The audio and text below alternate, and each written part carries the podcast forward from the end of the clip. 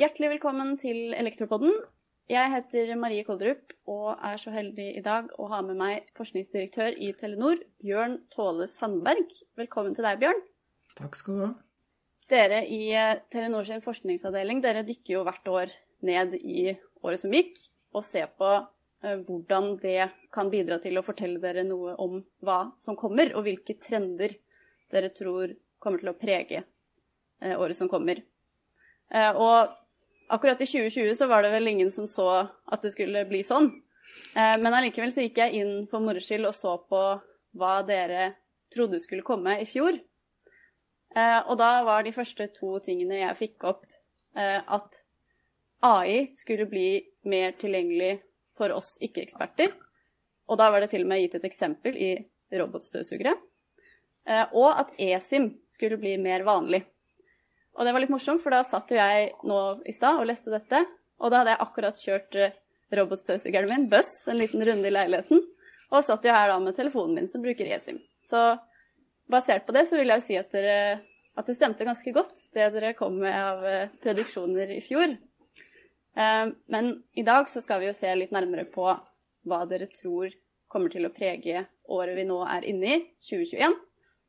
Og da har dere gitt ut en rapport som beskriver fem tech-trender dere i Telenor eh, mener vil påvirke 2021. Kanskje du kan si litt først om, eh, om eh, hvorfor dere gjør det her? Ja, vi gjør det primært fordi vi ønsker som Telenor å, å forstå hvilke særlige teknologier som kommer til å påvirke oss i, i årene fremover. Det er viktig for oss å, i forskningsavdelingen å forberede resten av selskapet på endringene som følger av, av teknologiutviklingen. Så det er, det er, hovedgrunnen til at vi ser på trender. Eh, og så er det jo en mulighet også da, til å selvfølgelig eh, snakke til verden utenfor Telenor om ting som, som, er og kan bli viktig. Så det er, det er egentlig bakgrunnen for det. Mm. Hvordan har dere sett at det har stemt med hva som faktisk har skjedd av utvikling? Ja, altså det, det, heter seg jo at det er spesielt vanskelig å spå, eller det er vanskelig å spå særlig om fremtiden. Så det vi vel opplever, er at vi, vi treffer på noen ting. Eh, og så er det andre ting som tar mye lengre tid enn det vi har trodd. Eh, det er, det er ganske vanlig. De store underliggende driverne innenfor teknologi er jo relativt lette å se. Mens eh, akkurat når det slår ut i produkter og tjenester, kan, kan være vanskelig. Så, så jeg, vi har ikke tatt og gått tilbake og regnet på hvor mange prosent av forutsigelsene våre som, som treffer. Det har vi ikke gjort. Men um, vi bommer på noe, og vi treffer med andre ting. Ja, skjønner. Og akkurat 2020 var det jo virkelig ingen som så komme, så det må ha vært et sånn spesielt eh, vanskelig år. Og kanskje ekstra vanskelig også å se videre fra. Det, det, kan være Vi tror jo at en god del av det vi nå opplever i pandemien, i form av akselerert digitalisering, enorm bruk av video for møter og konferanser, det at vi jobber hjemmefra og ikke, ikke, hver dag pendler inn til kontoret At mye av det kommer til å henge igjen, eller kommer til å bli en del av normalen fremover, om ikke like ekstremt som nå. Men eh, det er det vi tror nå, når vi er inne i pandemien. Eh, nå er det helt naturlig. Når vi får muligheten til å gå tilbake på kontoret, så kanskje ikke. Vi, det er vanskelig å være helt sikker, for å si det sånn. Men det vi har prøvd å gjøre i år, er å, å ta utgangspunkt i underliggende drivere. Og så har vi sagt eh, hva skjer når vi kombinerer de med egentlig konsekvensen av pandemien? Med, med langtidsvirkningen av pandemien. Hva, hva, kan vi forvente å se i, i år og, og fremover? Mm. Det bringer oss jo litt over på uh, den første av de fem tech-trendene som jeg har notert meg her. Uh, teknologi for å takle ensomhet. Du nevnte jo at uh, nå sitter vi jo alle på hver vårt hue eller på hvert vårt hjemmekontor, og det er jo tydelig at det har eh, gitt konsekvenser i året som gikk. Og hva, hva legger dere i det? Teknologi for å takle ensomhet?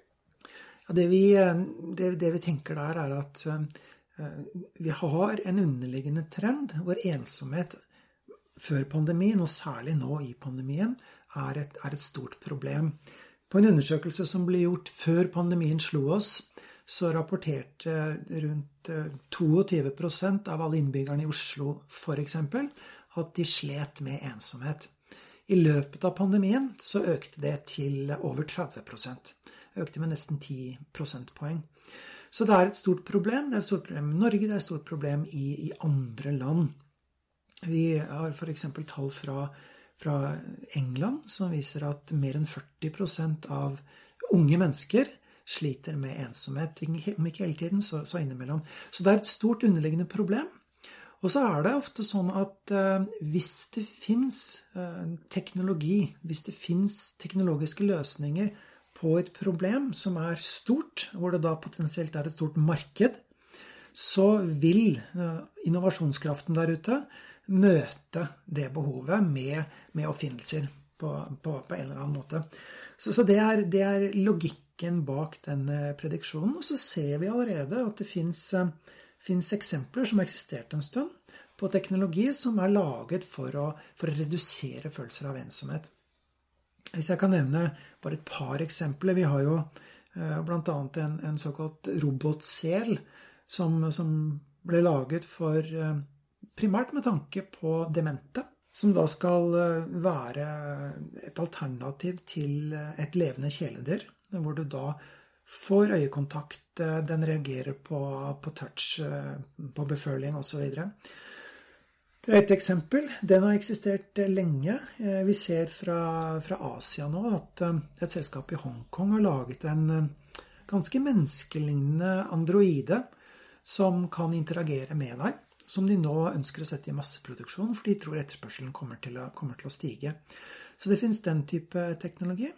Så har vi også sett at eh, teknologien vi bruker for å kommunisere fra hjemmekontoret, fra, fra en, en, en, fjern destinasjon inn til, inn til, arbeidsplassen din, eller hva det måtte være for noe, har blitt bedre over tid.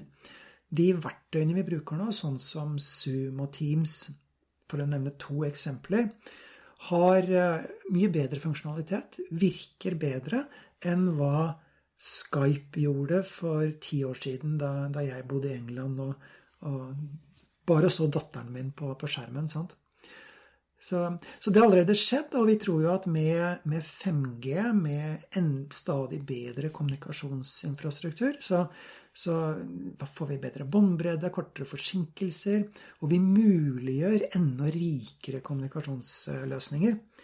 Så det, det, har vi tro på skal eh, komme. Mm.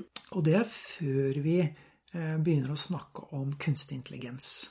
Ja, riktig. Det er veldig spennende å høre. Jeg leste også om dette med hologrammer. Eh, og altså, jeg må si at jeg liksom skjønte ikke helt Er det det jeg tror det er? Er det sånn som i filmer, liksom? At det kan komme 3D-versjoner innafor kommunikasjon? Jeg skjønner ikke helt hvordan det skal utvikle seg i praksis.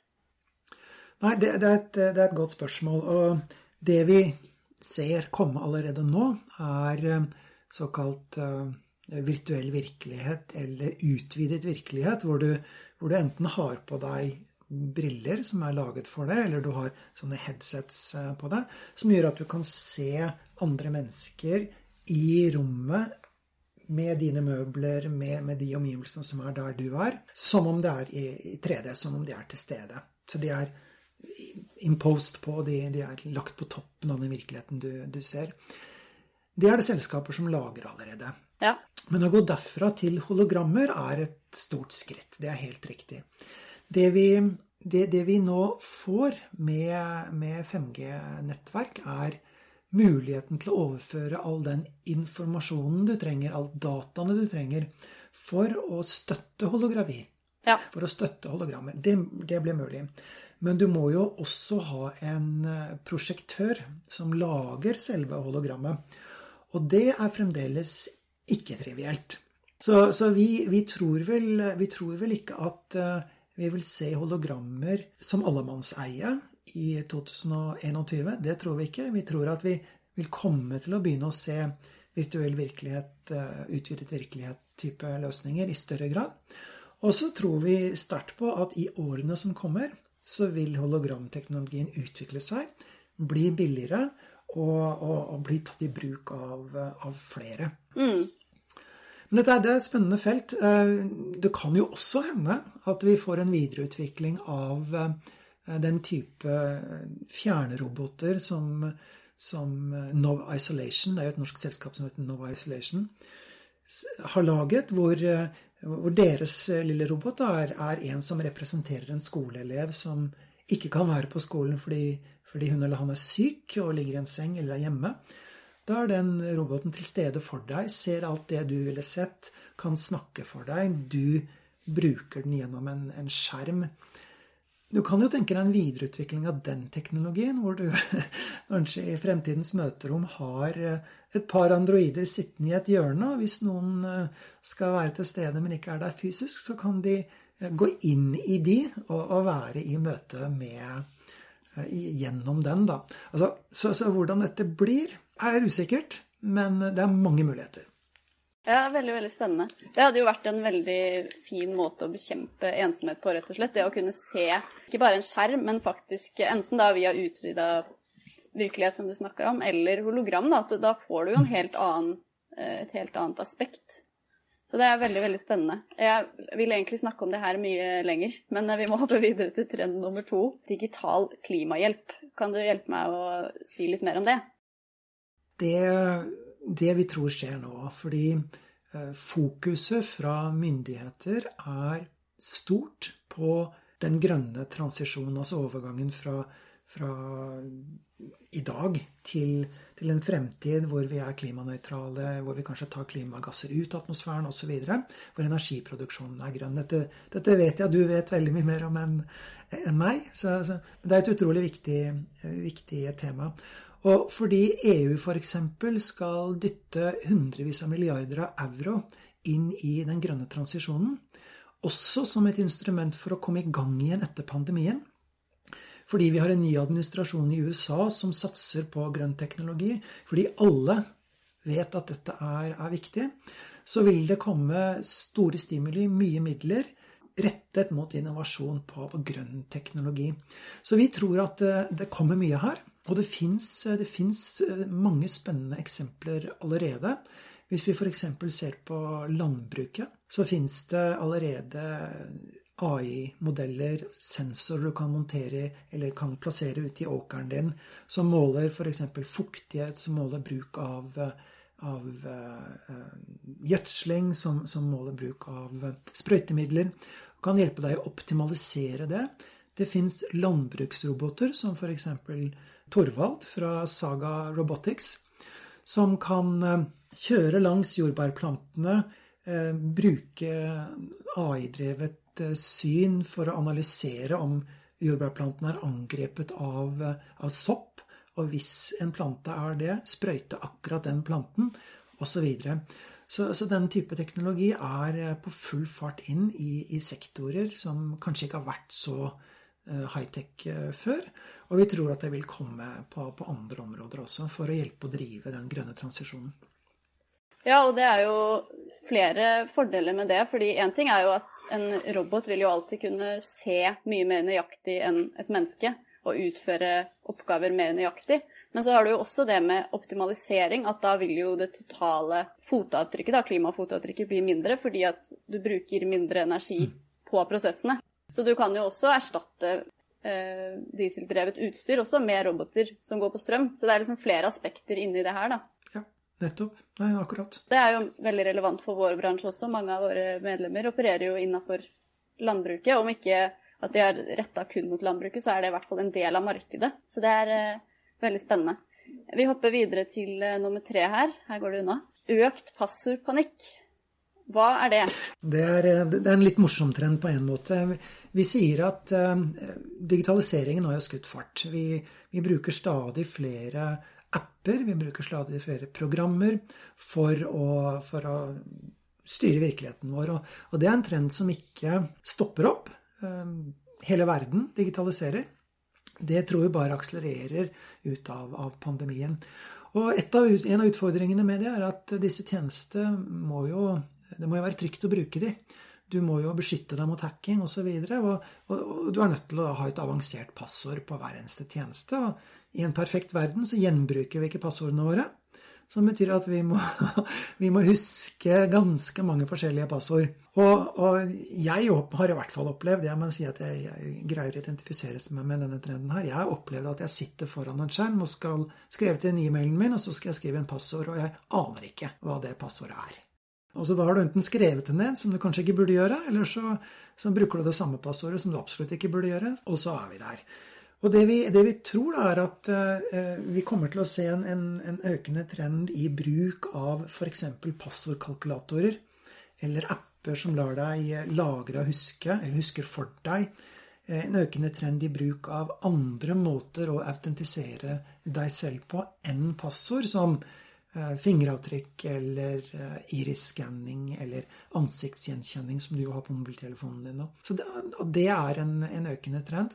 Det er også en sånn sikkerhetsmessig greie for selskaper. Hvis, hvis et selskap kan, kan, kjøpe eller implementere den type autentiseringsteknologi for å, for å lette jobben for de ansatte med å ta i bruk selskapets systemer, så øker de også sikkerheten. Ja, ikke sant? Så det, det er en, en, økende trend, og, og, den drives av eh, økende digitalisering, flere apper, og den drives egentlig av større fokus på sikkerhet. Ja, for det er jo ikke veldig sikkert å måtte at du må bytte passord hver tredje måned, f.eks. Da, da er det jo veldig mange som kjører uh, hei 1, hei 2, hei 3, hei 4 som passord, ikke sant? Og det er jo ikke et godt passord. Så da blir jo tanken om å øke sikkerheten ved å måtte oppdatere passordet oftere, går jo da på en måte mot seg selv. Så da er det jo mye sikrere å heller bruke som du sier, ansiktsgjenkjenning f.eks. For, eksempel, for å kunne åpne et uh, passordbibliotek. Det fins jo faktisk i dag eh, flere muligheter for å gjøre det på telefoner bl.a., så vet jeg at man kan jo skanne uh, skanne fjeset sitt f.eks. For, for å få da automatisk utfylling av passord. Det er jo en mye sikrere løsning sammenlignet med å, å ja, Hei 11, ikke sant. Man går jo, I løpet av mange år så går man jo opp på sånne dumme passord med et høyt tall ved siden av. Så det har jeg hørt flere eksempler på. Det er ikke en god løsning. Det, det stemmer nok. Nei, det, det er ingen god løsning. Paradoksalt nok så kan det være sikrere å skrive ned passordene dine på et stykke papir og ta vare på det papiret, eller legge det på et sikkert sted. Fordi en papirlapp kan ikke hackes. Nei, ikke sant. Nei, det var et godt tips. Eh, nå hopper jeg videre til eh, trend nummer fire. Fleksibel arbeidshverdag. Du kan jo kanskje utdype litt mer om hva dere har tenkt her? Det, det, kan jeg. Vi, vi, har jo i Telenor allerede kunngjort at eh, de ansatte i Telenor fremover vil kunne velge eh, en fleksibel måte å jobbe på. Altså vi vil kunne velge om vi jobber bare på kontoret, bare hjemme.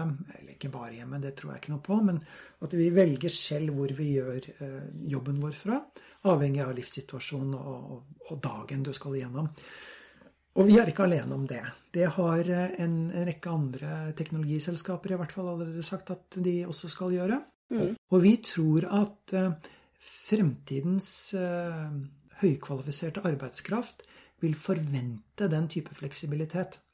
De vil forvente at en arbeidsgiver skal legge til rette for å tilby fjernarbeid som en opsjon, som en mulighet. Og så tror vi ikke at, eh, vi, ikke at vi bare kommer til å jobbe Eller de fleste av oss kommer til å ønske å veksle mellom å dra inn på, på et kontor og treffe kollegaene våre. Mm. Fordi det er viktig for innovasjon, det er viktig for de, de, samtalene som plutselig setter en idé i hodet på deg, osv. Og, så og det er viktig for det sosiale. Vi er jo sosiale vesener.